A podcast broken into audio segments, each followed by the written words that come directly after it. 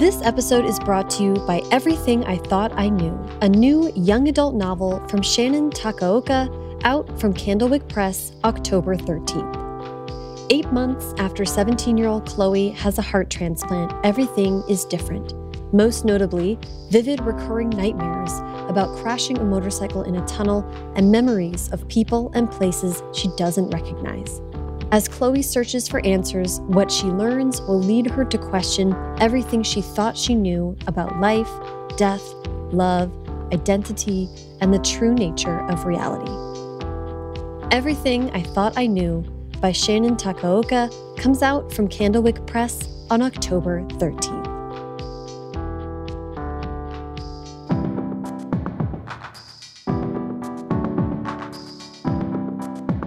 Welcome to First Draft with me, Sarah Enni. This week I'm talking to internationally best selling picture book author and illustrator Oliver Jeffers. Oliver is a fine artist and a visual artist as well, and he's the illustrator of many books, including the Day the Crayons Quit series. Among the 18 books he has authored and illustrated himself are How to Catch a Star, the Fate of Fausto, and Here We Are. Oliver joins me today to talk about his newest picture book, What We'll Build. I so loved what Oliver had to say about the life lesson that you only get out what you put in, the difference between education and learning, and how good design is like good manners. And I loved his kind of exploration of how picture books have become the perfect medium for him to explore something that really nags at him the theme of human beings' relationship with the natural world. Everything Oliver and I talk about on today's episode can be found in the show notes. First Draft participates in affiliate programs, specifically with bookshop.org. That means when you shop through the links on firstdraftpod.com, it helps to support the podcast and independent bookstores at no additional cost to you. If you'd like to donate directly to First Draft, either on a one-time or monthly basis, simply go to paypal.me slash firstdraftpod. If you're new to the show, check out Track Changes, the first draft miniseries that came out this summer that covers all the steps of how your book goes from your laptop to a bookshelf. The series is now complete, and you can hear the entire thing, nine episodes plus four bonus episodes, at firstdraftpod.com slash track changes. And the publishing info party won't stop for subscribers to the Track Changes newsletter, where every Friday I share more of the information that I gathered in researching for this project, as well as giving industry updates and more original reporting. I don't do a Patreon for First Draft, so you could consider signing up for the Track Changes newsletter, a great way to support the podcast and uh, getting a lot extra uh, in exchange. The newsletter is only $5 a month, but you can sign up for a 30-day free trial to see if it's right for you at firstdraftpod.com slash track changes. Okay, now please sit back, relax, and enjoy my conversation with Oliver Jeffers. All right, hi Oliver, how are you today? I'm doing okay, thank you. Great, great. I'm so excited to talk today. I'm going to dive right in and we're going to talk about your most recent book, What We'll Build. But for my interviews, I really do like to jump all the way back and start at the beginning, which is where were you born and raised? Well, I was born in one place and raised in another. Uh, I was born in a tiny little town called Port Hedland, which is in Western Australia. And I was raised in Belfast in Northern Ireland. My parents are both from Belfast, uh, and I don't know if you know your political European history. Belfast was a, a, a turbulent, violent place in the 1970s. They decided that they wanted to try, like a lot of Irish and British people at that point, to they wanted to try life elsewhere. They emigrated to Australia. They spent maybe three years there, and I was born in the last year that they were there. And I think I was maybe six to six or seven months old when we all moved back to Northern Ireland. So, although I was born in Australia, I know nothing of Australia from from my youth. okay, and I want to ask a little bit, yeah, more more about that in a second, but. I wanted to ask about reading and writing when you were a young man. What, well, how was that a part of childhood for you? Uh, reading and writing for me was a chore at childhood, and it was not something I enjoyed doing. I was always just like do whatever I could to get away from doing my homework, so I could go outside and play football or climb trees or dig holes, and uh, uh, you know that was pretty much me the whole way until the very end of art college, where I I took a year off between my third and my final year, and I think one of the most important life lessons hit me at around that point, which is that you only get out what you put in. So if I was spending all of this time doing as little as possible to get by without notice. It was like who was it? Who was it really rewarding? Who was really going to benefit mm. from this? Uh, mm. And then I went back and did my last year of college, making as much effort as I possibly could. And, and graduated with a, with a first class honors, which was a quite some a miraculous turnaround, really, and that's been my attitude ever since. Do you remember? That's so interesting. I, I mean, that's like a life, a pretty definitive life epiphany. Do you remember what what brought that about, or do you have a recollection of what that moment was like? Yeah, was was trying to work in the real world. Um, it, it, it, was that. It was. It's. Uh, I, I think it should be a compulsory thing that if you want to go to university, you should be forced to spend a, a, a, year in the real world before you go to university, whether that's traveling, volunteering, doing whatever, because, you know, you don't know what you want to do. You don't know who you are when you've just been protected and sheltered by by school your entire life, and then you just like I don't know keep the party going somehow. It's it's. Uh, so what's that is like youth is wasted on the young kind of a thing. Um, you you don't you don't really know how to apply any of uh, your education to real life until you try to do so, and then you're filled with regret. And so I took that year off in between my my third and fourth years at university because with our college you do a foundation year and then a three year degree, mm-hmm. and it, it it did it struck me that that exact lesson. I was like, I don't know anything about anything really, and if I just do enough to scrape by, it's uh, it's only it's only me who's going to suffer. And it, you know that mixed with just this idea of this desire to to make art and to to make important art. And then i started having all these ideas and it was just the simple realization that if well if i don't do this work then nobody's going to do it for me. So right. um, it it uh, it struck me at that point. But it also struck me how little i knew you know, mm-hmm. is that that I went to, I spent th- at that point three years at our college, and I didn't know really the first thing about what it meant to to make art in the real world. That it was actually a business that you needed to do, learn how to file taxes and invoice people and all of these practical things. It was yeah. There's a great saying that I heard once. My dad's an educator, and and he always said that the the two most important things that a child learns how to do, that a human being learns how to do, they learn as a child, which is to walk and to talk. But yet, on day one of school, children are told to sit down and shut up. And it just is counterintuitive. And like that, you know, whenever you were asking what kind of was I writing and reading when I was a kid, it was like more like a chore. Um, I heard somebody once say that education is what somebody else does to you, and learning is what you do to yourself. Wow, I like that. I think that's that's very true. I, I, I mean, I have there's a lot to unpack in what you just said. This is so much great stuff. But I want to ask about reading and writing growing up seemed like a chore, but art obviously was not. No, art, art was escapism. Maybe it was escapism, partly because I enjoyed art, enjoyed making art. I, would always uh, find things aesthetically pleasing and knew what color went with what, and that looks wrong or whatever it might be. And I remember a really distinct memory of when I was in P3. So what age would that be? I don't know, eight years old maybe. And we were making Christmas decorations and with the colored pieces of paper. And, and I had some brown paper and some pink paper. And the teacher says, no, no, no, no, brown and pink don't go together. And I was like, well, I think it looks good. And she was like, no, no, no, start again. And, and I was like, I think you're wrong. And at that point, I was like, I've always, so I've always been an aesthetic person.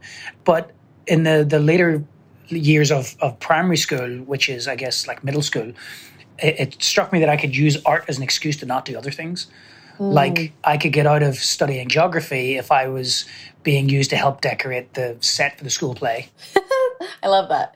Um, I'm I'm interested in how or when or if you have thoughts on when it became clear that art was another way of telling stories or or if that's always been intuitive for you it's always been intuitive but the penny really dropped when i started making a book with sam winston and we made a book together called a child of books and, and sam is is one of the most terrific human beings I know. He, he studies mindfulness meditation. He leads these workshops in reconciliation. He does all these things. He's also a, an extremely talented and recognized designer, but he's primarily known as being a typographic artist. And he always told me and always sort of pointed out that you have to learn how to read an image. You know, it's it's it's much more intuitive than words, but you still kind of there's there's some learning to do, and children become aesthetically literate much earlier than they become actual literate, uh, mm-hmm. and that should be celebrated, encouraged, and recognized. But he also pointed out to me that one of the reasons that he got into visual typography is that he's dyslexic, highly wow. dyslexic. And he said that there's a couple of really interesting statistics about dyslexia, and that most of the world's most well known and celebrated uh, graphic designers and typographers are dyslexic. And the reason for that is that they see the shape of the word before they see the meaning of the word. So they see how it should look before they before anything else. Uh, and I always thought that was brilliant. But the other statistic that he shared with me was actually really frightening and depressing. He says that the statistics between kids in juvenile detention, uh, or kids with um, dyslexia who end up in either juvenile detention centres or into art college is very fine. And he, he says basically it's whoever finds you first, mm. whether that's an art, artistic outlet or a bad crowd. Mm. Wow. And that really um, stayed with me. Yeah, that's huge. I, I think I read an interview with you where you were talking about your art that you were kind of put under the protection of maybe the bad crowd because you were able to yeah. draw on people's skateboards. Well, that's, well, that's true because I so I went to a school that in Northern Ireland was is an integrated school, and it's kind of embarrassing having lived in the USA now for 15 years to explain to people in New York City that no, integrated in Northern Ireland means two versions of, of white Christians basically are right. uh, mixed together. That's the height of it. Um, but yet this is still such a taboo topic, and uh, the school that I went to was one of the first integrated schools that was working class. There was one other one, but it was it was like you know sort of a posh upper class school, so it wasn't really about politics. Um, but so so few parents trusted this system that the numbers of the school were were uh, distressingly low. And in order to qualify for basic funding, they used to have to take in the kids from all these other schools that were being expelled. So, you know, like the worst kids from the worst schools were getting kicked out and then coming to my school and it it was an odd thing. And you know, even thinking back to that that uh, dyslexic uh, statistic about juvenile detention centers. These kids are some of the smartest kids I've ever met in my life, but just not book smart. But they saw the pattern of street smart in a way which has really, really stayed with me. And just there's there was a, a lightning quick intelligence there that just did not apply to formal education. But nobody was trying to to work with them or save with them. And, and it's one of the reasons that I fell into art is that I showed an interest in any subject at all. Because a lot of the other kids that I went to primary school with, so you were always encouraged to get a real job, get a proper job. And, you know, that includes being a civil servant or a doctor or a lawyer. And I was never, I, I never was forced to do that. And partly because the school that I went to was just glad I was interested in anything. And my parents were open minded enough to not ever make us get a real job. So right but yes, I did. I, I fell under the protection of some of the, the roughest kids by drawing on their skateboards and their school bags, and they thought it was cool. So therefore, I was left alone. There you go. Well, and if anyone still has those, that would be a, quite a treasure. um, I wonder. Yeah, the and the, kind of the fourth pillar I was thinking about about your young life was humor and uh, kind of talking about the the Northern Ireland, and you've um, had many interviews where you talked about there's a lot of humor and storytelling in, in, growing up in that environment, and also kind of dark humor, which I think yeah. we can see. Oh, there's a there's work. a very very particular Northern Irish sense of humor that's different from British, that's different even from the south of Ireland, and it, and it is a darkness. There's nothing that's not sacred, and it's it's a form of an, an endearment and it's a form of sarcasm, but not really. It's it's bleak. It's you know it's. Uh, but it's very telling. It's very revealing, and it's and it's very loving at its core. But but in a, in a very dark way. Uh, and everybody's funny, and it's all in delivery, and it's all in timing, and it's all in sort of not really caring what people think. So that yeah, that's my my whole my whole life really has been steeped with that. You know, my younger brother is one of the best people in the world to pass some time with because he could sit and recite joke after joke for for hours. But the, the typical Northern Irish sort of humor is not telling jokes; it's more telling stories. And so, anytime a group of friends will get together and go to a bar, it's not really a conversation as it's it's a storytelling circle. Mm-hmm. You know, mm-hmm. um, and my mum was hilarious really hilarious. And all my friends growing up were, were hilarious, and everybody in their own different, odd, weird way. But I, I yeah, and I, and I think there is something about that because the political violence was, I think, so directly personal and effective of everyone that if you don't laugh at something, you cry, and nobody really wants to cry. So you just something. Well, maybe you don't have to do this, but something that Northern Ireland collectively was able to do was just to find humor in just about anything. Yeah, uh, and I'm I kind of going to bring all these things back later, but um, I do want to, like I mentioned, my audience is a lot of professional writers and, and um, illustrators and people that create books for a living. So I want to talk a little bit about how you got into picture books. I read this really interesting, uh, uh in a couple interviews, you've talked about creating a picture book as your final project for art school. Is that mm -hmm. what came about? Mm -hmm. And then you said, I finished my first book, How to Catch a Star, as part of my degree and decided after graduation that it was as good, if not better, than anything else out there. yeah, we did. I love.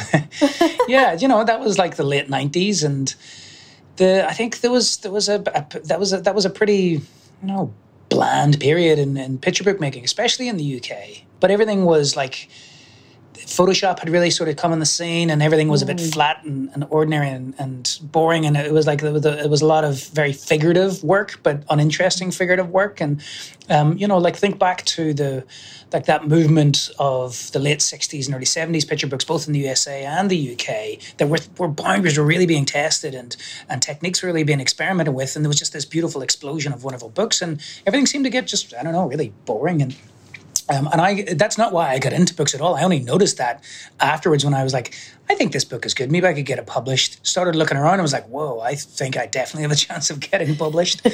um, I mean, if this is publishable, then absolutely. So I, I I did know what I wanted to do when I grew up. As soon as I figured out that making art was a was an actual job, that you could do that.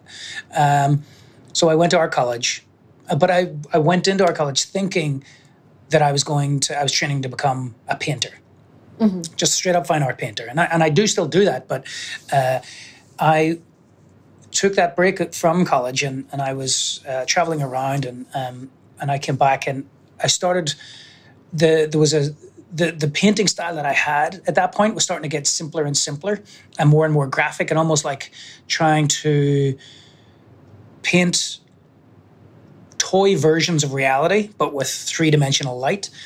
That was becoming this painting style, and, and I had this notion of, of a story or sorry, not of a story, of an image of somebody trying to do something physically impossible. Because I always, I, I love like you know the the art of, say, like Michael Sowa or Mark Tansey, who, who, they were painting these these impossibilities, you know, like uh, people watching a, a, rocket launch, but then like an art class doing a, a, a, light drawing of the rocket launch happening. You know, like not physically possible, or somebody doing a still life of a racing car crashing, and it was called action painting. And you know, it's like with paint you could do all these things. So I, I thought I was starting to do that, like paint these impossibilities. And the concept I came up with was somebody trying to stand on a star trying to catch another one. And I started doing these paintings, and the something about this the the whole idea of that reminded me of stories that I'd heard as a kid, which was the the Brer Rabbit Moon the Millpond stories, where Brer Rabbit convinces Brer Bear and Brer Fox that the reflection of the moon on this pond was actually a pot of gold to try and throw them off his his case. And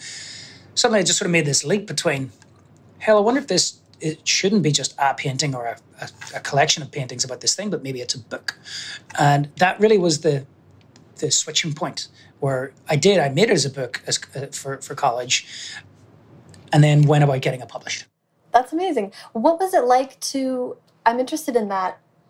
I'm interested in so much about that, but um, you have the idea for it to be a book. Had you written anything at that point? Had had writing no. become a creative no, I mean, part of your process? I, well, privately, yes. I'd, I'd written poetry, and I always I like putting a word or a sentence into a painting, both because you know for the for conceptually you could show one thing and say another, and you could flip the meaning of the painting on its head by contradicting or contrasting what you were you were saying or showing, and, but also aesthetically, I liked you could have like quite quite a loose, sloppy painting, but then this this beautifully executed word, and suddenly that became like a graphic that did from the designer's perspective, the focal point, the sharpness of the of that just really drew the eye in and, and locked the whole thing together. So I had been playing with words, but more in a poetic sense than anything else.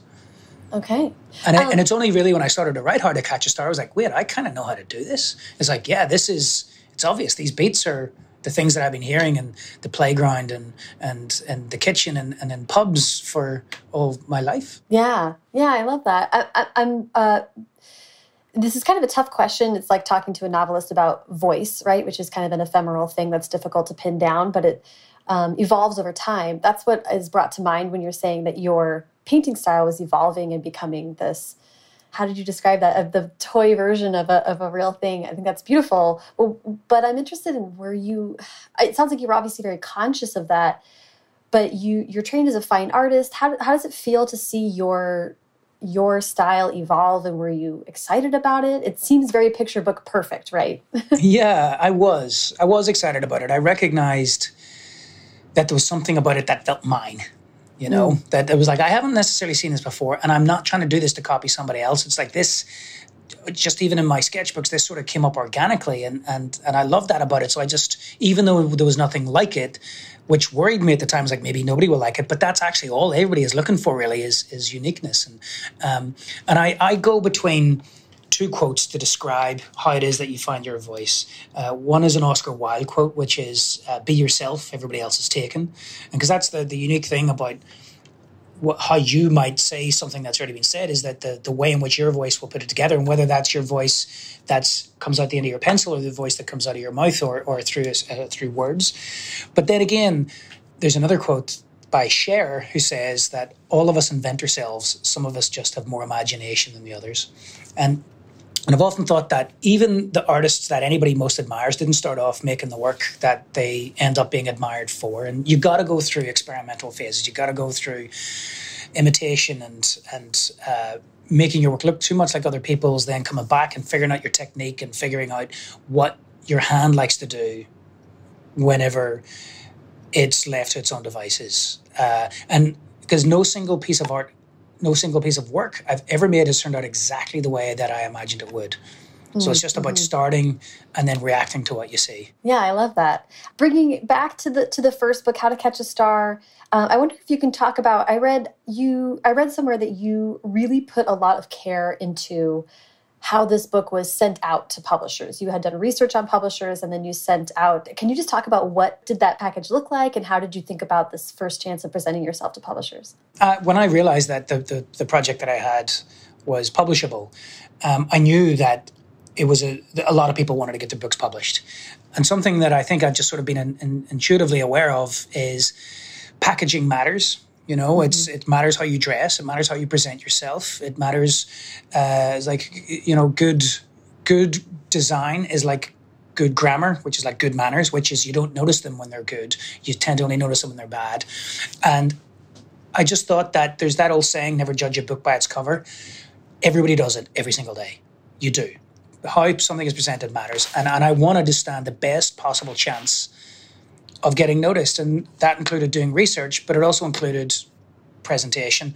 Uh, and uh, it because the degree uh, that I studied was called visual communication, which is sort of, you know, what, what it says on the tin. It's you learn how to communicate visually. So I made a full version of How to Catch a Star, like a mini version. I ended up re-illustrating the entire thing wow. after getting published because I realized like I could do this better. So I, mm. I made the entire thing, and then I made a copy, uh, and then my brother had graduated a few years ahead of me in our college, so he was working as a graphic designer. He knew of a printer, uh, and he brought me with him when he was picking up a I don't know, getting menus made for a restaurant or something. And, and I met the the printer, and I asked him, I was like, if I do you a painting, will you print 100 copies of this little dummy book? And it was only four or five the illustrations in the in the whole uh, the whole manuscript. And then I just did a whole bunch of research on whose desk is this going to arrive on and mm-hmm. what publishers will this fit with? And and I had this whole chart drawn up, like publisher sent, uh, and expected months and months and months of follow up phone calls like, Have you read it yet? Have you read it yet? And it landed on the right person's desk at the right time. And, and two days after sending it, I got a phone call from HarperCollins offering to fly me to London to meet them. That's incredible. I want so, and then obviously, at that time too, when you were pitching books, you were working as a commercial artist. Is that right? A freelance Yep, that's that's well? that's correct. Yeah. So straight okay. out of art college. I mean, not for very long. Although I did do that for for a while longer, because I thought if I can make a living just making books in about a decade, I'll be doing well. And so yeah, the gun for hire, solving somebody else's visual problems was was the, the, preferable to me than working in a pub. Right. Uh, so so I started doing that. And then How to Catch a Star got you your first book deal you have this what we'll build is your 18th book as an author and illustrator which is pretty remarkable. The first book i think came out in 2004 that's a pretty impressive productivity level i would say. And that's not even counting year, the books that you yeah. yeah. about one a year. And you were also the illustrator of several books including the day the crayons quit um, that series. Um, so you've had you've been in the game now for a minute um, I want to I want to ask specific questions about what we'll build, but I'm interested in what you've thought seeing the industry kind of over the period of time you've been in it. I think it has changed. I think there has been a big explosion of a lot of beautiful, interesting voices. I, I, think so. I think that this is a new golden age of picture books uh, on both sides of, of the Atlantic, um, in terms of the UK and, and the USA, and, and it's it's it's brilliant to think that I've sort of been at the at the forefront of the wave of that. And, and like people always ask me when I do Q and A's or or when I, they meet me private, it was like, does it bother you that so many people rip off your style? And it was like, at periods of time, yes, it does, but it's also really humbling to think that the way that, that I've had an influence on an entire industry. And so I, I try to just think about it like that. But I do think that the, the, the intelligence with which some people are, are approaching picture book making now is, is vast and the skill set and, and just the, the breaks from the way things have always been done and the, the style developments and the, the content development. It's all been remarkable. And I always remember going to the Frankfurt Book Fair well, I actually, I've only ever been twice. Uh, once was before my first book came out, and it just felt massively intimidating because there was here there was there's books from all over the world, and then I went on the 10th anniversary of How to Catch a Star, uh, which was a very very different experience. But still, there's all these books from all over the world, and, and I always remember thinking that I love French picture books. They're just so beautiful. Why are they not more popular all over the world?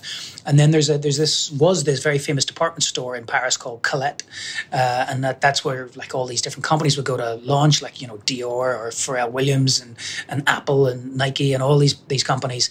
It was a tiny little department store, but it was like at the cutting edge and of uh, sort of cultural innovation. And and I was really fortunate enough to work with them on on an exhibition and uh, like a, a, a merchandising collaboration in that last year of their existence. And I remember talking to uh, Sarah, who was basically she was the, the, the entire personality of, of Colette. Her, her mother was Colette who started it. Uh, and I just, I, she was talking about how, how much she loved my books. And I was going, yeah, but French books are fantastic. And she was like, she looked at me, she was like, yeah, they look pretty, but the stories are, are, are vapid. There's, there's no story there. I was like, mm. oh, I guess, yeah, I can't really read them. So I've just been judging them just by how they look. Um, but yes, I, I do, I do think that it's, it's been a tremendous way of, of picture books. And, and of course, there's always going to be good and bad that comes with that. That's it's it's a money making endeavor, and you can I think you can definitely see the the books the, the publishers that are trying to cash in on a on a on a, a style or a movement or a, a, a, particular type of book or whatever it might be. But at, still at the forefront of all now, there's still those those brilliant people who are continuing to innovate and continue to just make such terrific work. Yeah, yeah, it's been really. Uh, I don't have kids myself, but I've gotten really into it. luckily, my friends have started to have kids, so I can buy all these books and sit there and enjoy them um, myself. I want to start talking about what we'll build by talking about here we are. Do you mind kind of uh, giving the pitch for that and, and positioning that within its importance with your own family? Well, yes. So the we found out I, I, I had made well we can work backwards from the number that you just counted to. I'd made whatever fifteen or so picture books without having kids, and then we had a kid, and lots of people were asking, "Will it change the way that you make books?" And at that point, I knew that I was making Here We Are, and I was like, "Well, y- yes, but not in the way in which you might think, because it's it's not. It, I haven't actually made a straightforward picture book, storybook since my son has been born. So I was like, I, I can't, I can't quite answer that. But at that time, uh, we brought a two day old home from the hospital, and I did what I always do when somebody new visits our home. I give them the tour, and, and there was something quite comedic about this, but which turned into like a heavy realization that we, he actually knows nothing. He knows nothing at all, uh, and it's up to me to teach him everything that he will know, and that's quite intimidating. It's it's overwhelming, really. But I started taking these notes of the things that I was saying to him as we were walking around, and uh, and and initially I'd intended to write him a letter, just like here here's here are my thoughts as I'm juggling wrestling with this idea of being responsible for a brand new life.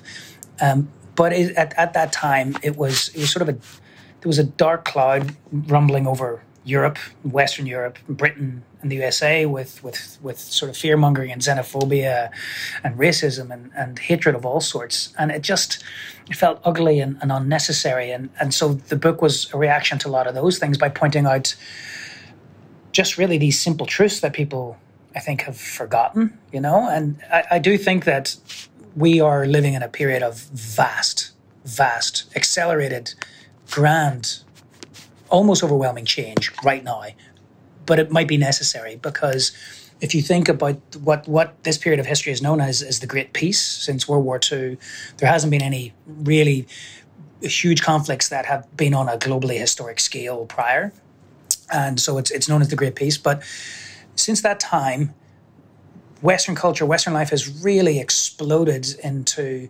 this you know this this luxurious, this affluent, the indulgent period of existence where it's always about more, bigger, better, newer, faster, stronger now. And, and it's been based on econ- economic models of growth.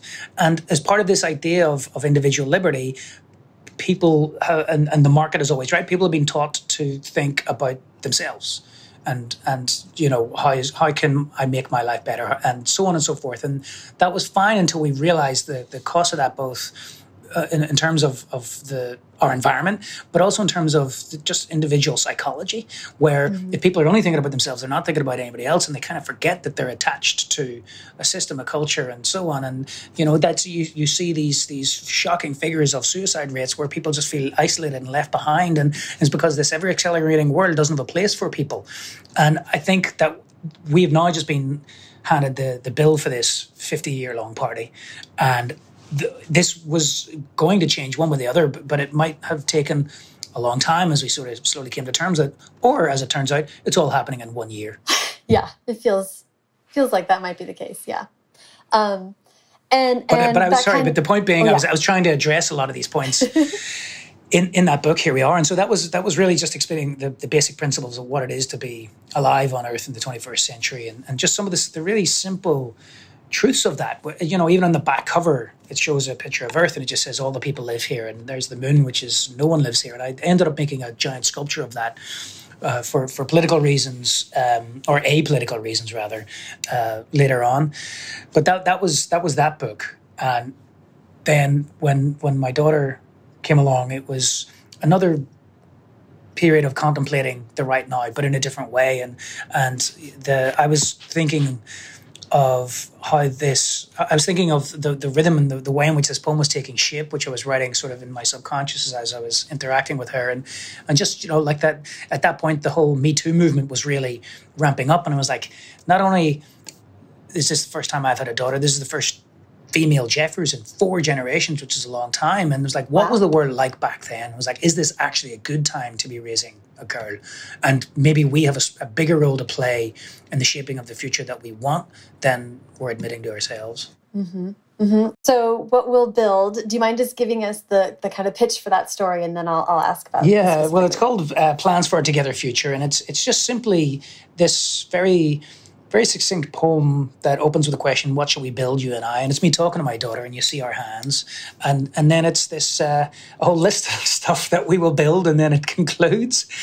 And it's really it's really that simple. But through it, it's it it talks about there's some of the fun and obvious stuff, like building a home and, and good times and, and uh, adventures and all sorts, but it also goes into trepidation and fear and, and anger and, and uh, all of these, these potential scenarios and emotions. And it was all made in, in a world pre pandemic when I was just thinking about really a parent and a new child relationship and this the unknown future that that has and I, and I kind of didn't really realize just how relevant it would be in, a, in an environment now that where every single human being on earth is unsure of the future massively unsure of the future.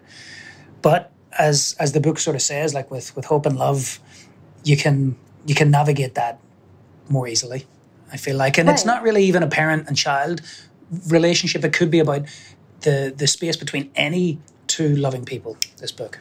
Right right. And it and it brought to mind and I and I I'm so mad I'm not going to have the name of the essay but there was an essay that that sort of has been circulated all year about building and the time the time like that we're entering a time of building and people are using that as kind of a mental framework for how we can positively move forward from this moment uh, where things feel broken down to the foundations. Yeah. I'd love um, to, if you so, do remember the name of that essay, I'd love to read it because I haven't yeah. But, but I do think that there is something really, really powerful in that. And, you know, even like looking back to this time last year, just the, the, the speed at which things were changing and just the, yeah, the sort of the shallowness and the, the short attention span and like the what's it all for aspect. Mm-hmm. And, and now it's, it's, it's become very clear that the two greatest problems that humanity faces don't care where you live. And it's, they, they there need, needs to be a united, effort to, to combat them, both germs and and weather. And really, in that new world, if we need to rebuild everything, there is a part for every single person to play. And if is that there was um, a friend of mine, Tom Carnac, gave this this TED talk where he talks about how this the stories that we tell govern our existence, govern our identity, and how Britain during the Second World War ma- managed to absolutely U-turn on its its sense of identity because early in the war everybody was sort of denying what was happening or, uh, or, or putting their head in the sand. And all of a sudden, through a, a, a, sort of a concerted effort, it it became the story that we now know, which is like even the simple act of planting a potato had meaning, and it was towards this the shared future that was going to be good for everyone. And it's how that that suddenly went from half to maybe three quarters of, of the nation feeling isolated and distant to everybody coming together and a sense of community spirit that that really Britain hasn't seen seen, seen since.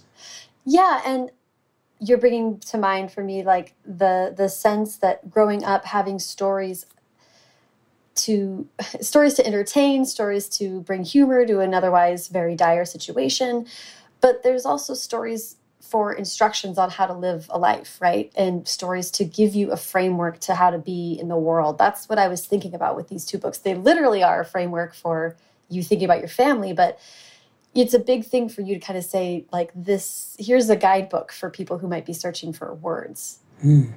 yeah and i, I didn't I, you know i do these things partly for for my own benefit uh, and i try not to think too much about an audience but ever since i started posting about social and political issues on uh, social media it's it's i hadn't quite realized how how helpful that was being to people who who agreed with me but could never quite find the language or quite find the feeling or quite uh, and, and what I realized is I was helping people articulate and that that was that was a very very powerful thing very yeah, powerful realization yeah.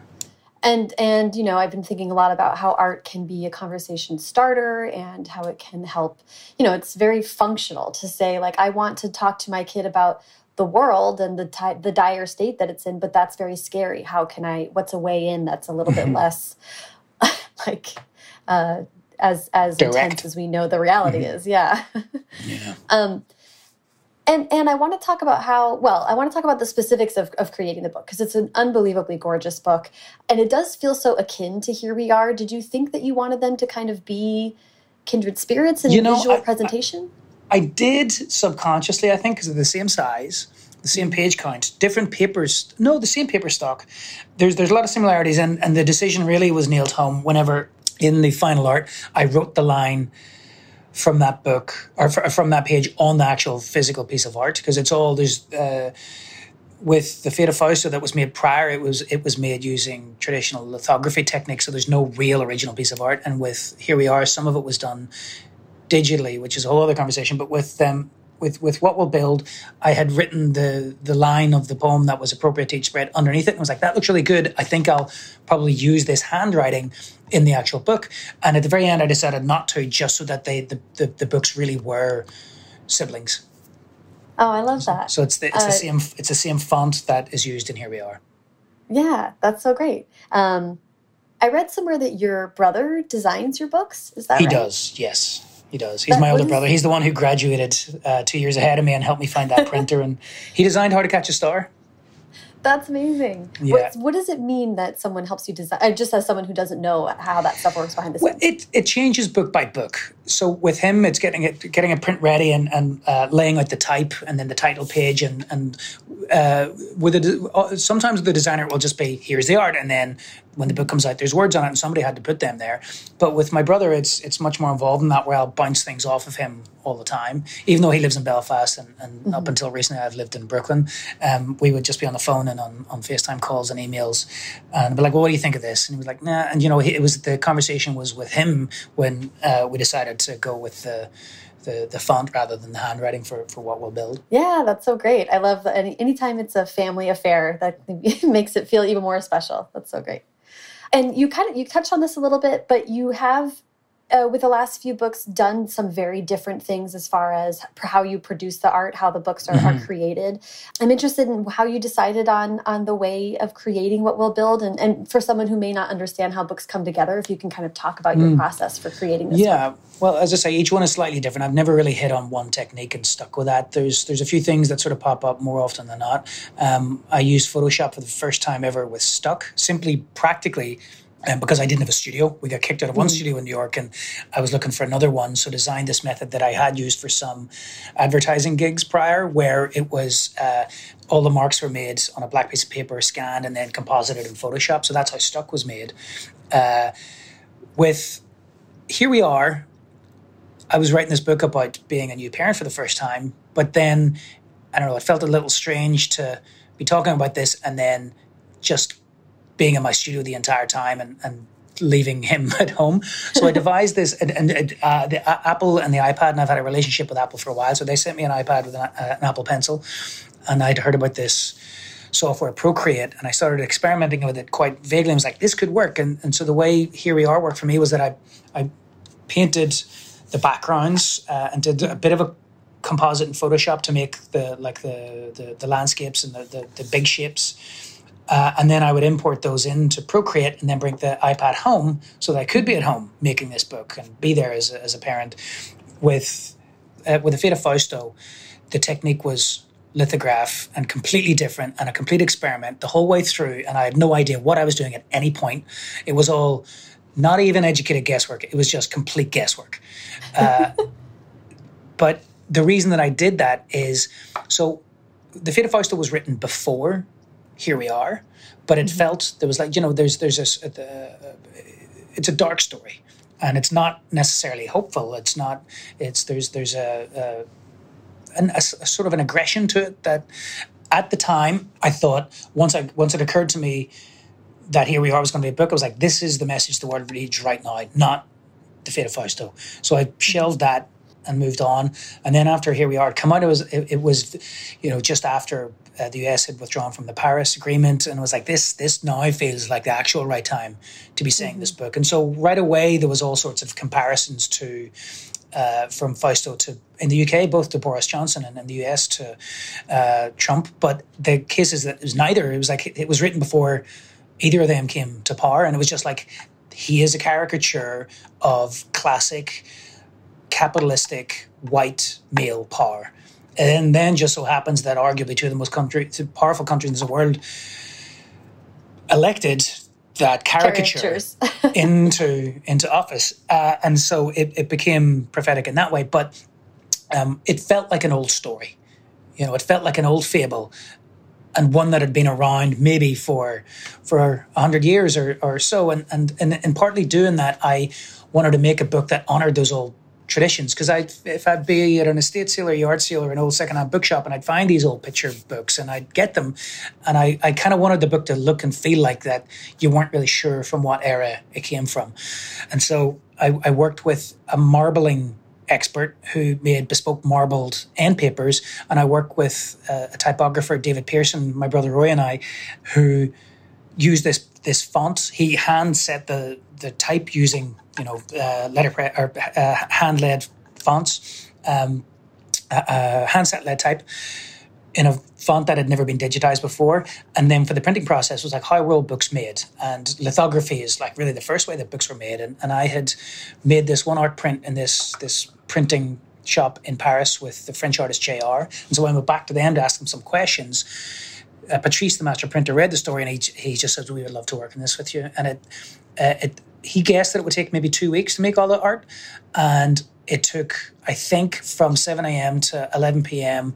every day, three months to make it Wow. all. It was, we massively underestimated just how complicated it was. But so then with what we'll build, I was like, I got to just go back to my safe space. And, and so it was just straight paint on paper. There are a couple, I think, videos and long interviews where you talked about the Fate of Fausto's process, which were totally fascinating. So if someone wants to hear more about that, they can. I'll, I'll link to those. Um, but but I'm glad you brought up the Fate of Fausto as well, and thank you for going. That I love process questions, so it's always really fun to hear how things come together. But I was looking at the recent books, uh, What We'll Build, Here We Are, The Fate of Fausto, and This Moose Belongs to Me seems also kind of in a family of stories of you looking. It's a, it's a bit of an interrogation about how human beings interact with our planet and the natural world. It kind of seems to be something that's on your mind uh, in a pretty distinctive way.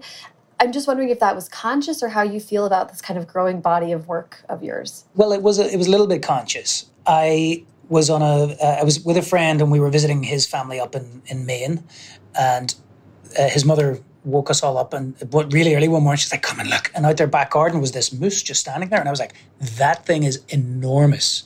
I'd never seen a moose with my own two eyes before. And I was like that is huge. It's like you know I could probably walk underneath it.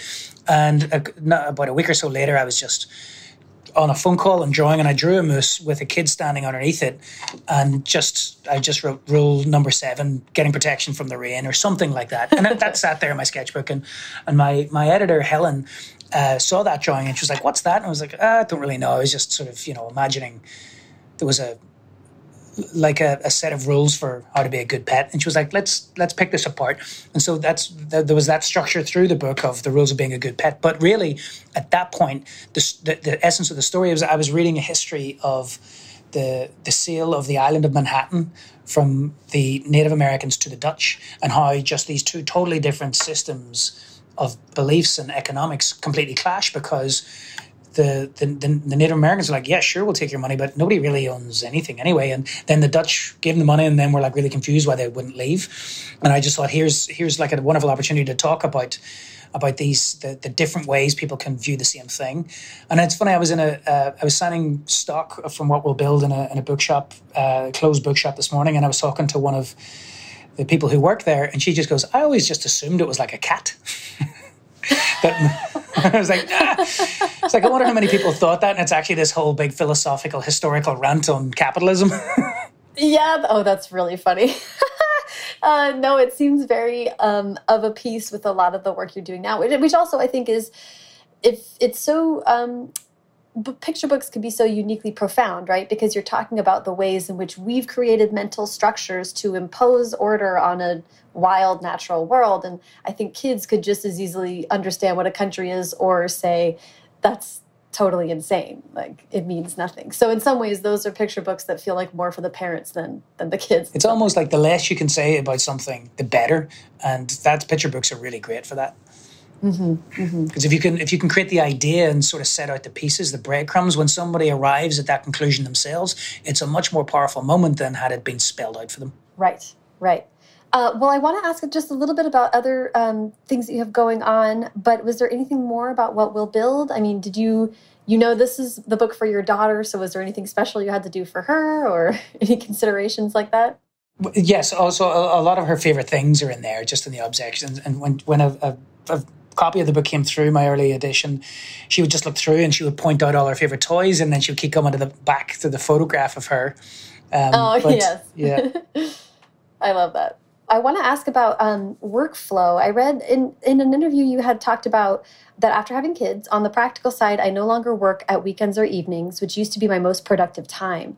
And I try to keep traveling to a minimum. We'll talk about traveling in a second because I think you've had kind of a nuts year when it comes to that. But what was it like to transition? You know, we creative types, sometimes it's like the muse visits me at 2 a.m. or whatever, but that's not always compatible with a life. It's not always, although you know that's the way it was since since Harland was born. But then in that last year before we travelled, I had a phenomenal amount of work to do, which included finishing the art for the Fate of Fausto and What We'll Build.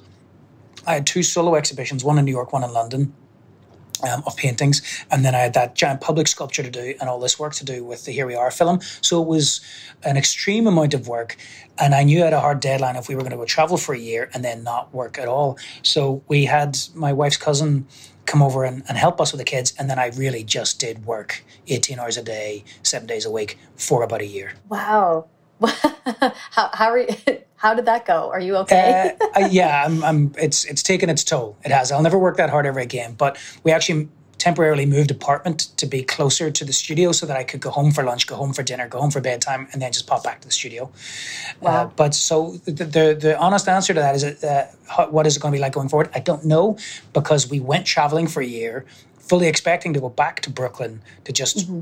go into a slightly easier version of that life but we are now based in Belfast and I don't have a studio there. And I've been trying to start doing some work from the kitchen table, which hasn't been straightforward or easy. So right now I don't have any system at all. Uh, and I'm trying to figure that out. Yeah, I mean, I'm interested in that. Um, and we just have a few minutes left, but I'm, I'm interested in do you mind explaining what you were intending to travel the world with your family and then we're kind yeah, of abruptly well, well that's home? it so we we it took about five years to prepare and it, that that doesn't mean where we were going to go travel that was just to to get everything in a position where we could leave so mm. getting the studio taken care of and and wrapping up all the projects and getting our apartment subletted and then the intention was my uh, my wife and our, and our, two kids, we were going to travel around the world. Uh, and we did. We got it six months in until COVID 19 hit. And we were in Japan at that point, and I think we realized how serious it was maybe before the USA and Europe. Uh, and so we retreated and we ended up going back home to Belfast to be closer with family. Mm-hmm, mm-hmm. And we've been there since. That's seven months ago. Wow. How has it been being home? It's been lovely in a lot of ways.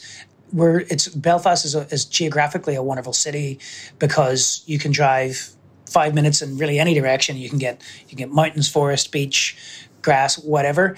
But from uh, I think almost the moment that the extreme lockdown ended and people were allowed to go outside, I think it rained every single day for two and a half straight months. oh no! Oh, that's a that's a bitter irony. Uh, you had talked at some point about being maybe reticent for a while to incorporate Photoshop or digital especially an entirely digital process but it sounds like is maybe now the time to look into that more or? Uh, well yeah no i've been using digital for a while and i think at that point it was maybe a reaction to what i said at the start of the interview which is you know those those books of the late 90s early 2000s which were all Photoshop, and there was a, just a sort of a flatness and a blandness to them. But have you ever heard of a? There was a technical term I read once. I, I thought was brilliant when it applied to technology and the arts. It's called the Mariah Carey syndrome. No. And Mar- Mariah Carey has a 16 octave range, and but she will not sing a single song without using all 16. And it's the point wow. is like just because you can do something doesn't mean you should. Uh, so. I think all those early books were showing off pe- what people could do with Photoshop, whereas now it's it's just settled into rhythm, and it's not the means to an end. It's just another tool for making art, just like watercolor is, just like oil paint is, just like pencil is. Right. I think that's such a that's a wonderful place to come to, kind of a holistic, like use all the tools in your box if if you need them. Well, I like to wrap up the conversations with advice. So, uh, you know, you've you've become the first person on my podcast to reference Cher and Mariah Carey in one conversation, which I'm so pleased about. I can't believe that hasn't happened before. Um, but I'd love to hear advice you have for someone who is interested in becoming a picture book artist. Maybe someone who has a fine art background like yourself, who's interested in moving into this world. What you would tell them? Somebody from fine art moving into picture books. Wow. Um, I don't really know. I think it's it's uh, with with all art I think it's about questioning authenticity. It's like, why do you want to do something? Are you doing it because you have an idea that you just can't shake and you have to do? Then, then absolutely do it. Or are you doing it because it's the cool thing that you think you should do? Is that then maybe you should question really, really why? And and uh, the, when I did, I, I did a little bit of teaching at an art college in Belfast years and years ago, and and I used to ask people, you know, I think one of the toughest questions any creative has to ask themselves is, are you good enough? And just because you want something badly enough, every film and every book that, that we read sort of tends to reinforce the idea if you want something badly enough, you'll get it. That that's not true. And just because you want something badly enough doesn't mean that you're good enough to accomplish it. And if you have the conversation you believe that you are, it's it's going to set you up well because you're not going to care too much about what other people think because you're never going to please everybody. Uh, and so it's it's just about I think being sure that you're comfortable with the reasons why you're doing anything. Yeah, I think that that's wonderful. And and one last kind of selfish question, maybe for if you, as someone who has illustrated books written by other people, is there anything that you wish people who just wrote but didn't illustrate picture books knew about the words they were sending over to an artist? Is there anything they could do to make it easier? I I, I don't think I'm qualified to answer that question because anytime I've worked with a picture book that I haven't written. I've worked very closely with the author, or or like really sort of um, jumped in and and uh, edited and rewritten and, and reworked with. So it is never. I've never worked with a script that's just been here. You're not allowed to change anything. Just do it. But, that's great. Um, but I do. I do think allowing room for the illustrator to bring some essence to the story rather than just decoration would would be something. Yeah, that's great that you've been so able to be so collaborative. Sometimes publishing houses keep keep. I know. I think they like it that way. I think they like it that way. uh, this has been such a joyful conversation. Thank you so much for all your time this morning, Oliver, and I hope you and your family stay stay safe and healthy. Thank you, Sarah. Thank you so much to Oliver. Follow him on Twitter and Instagram at Oliver Jeffers, and follow me on both at Sarah Enni and the show at First Draft Pod. And thank you again to our sponsor, Everything I Thought I Knew by Shannon Takaoka, out from Candlewick Press now. A quick and easy way that you can support First Draft is by subscribing to the podcast wherever you're listening right now and leave a rating or review on Apple Podcasts. Thanks to everyone who's already done that. Your incredible support led us to be named one of Apple Podcasts' top 25 podcasts for book lovers, which was such a thrill and obviously something I'm still very proud of. So, thank you, thank you, thank you to my incredibly supportive listeners. You guys are the best. Haley Hirschman produces First Draft, and today's episode was produced and sound designed by Callie Wright. The theme music is by Dan Bailey, and the logo was designed by Colin Keith. Thanks also to transcriptionist at large, among many other things that she's helped me out with, Julie Anderson. And as ever, thanks to you, moose, cats, pets, something or other, for listening.